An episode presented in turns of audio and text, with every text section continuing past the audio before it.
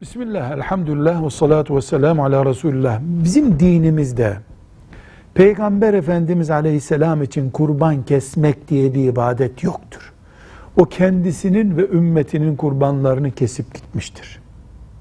Bu vakıfların, derneklerin veya art niyetlilerin ya da işi bilmeyenlerin, fıkıh bilmeyenlerin uydurduğu bir şeydir. Peygamber kurbanı diye bir kurban yoktur. Velhamdülillahi Rabbil Alemin.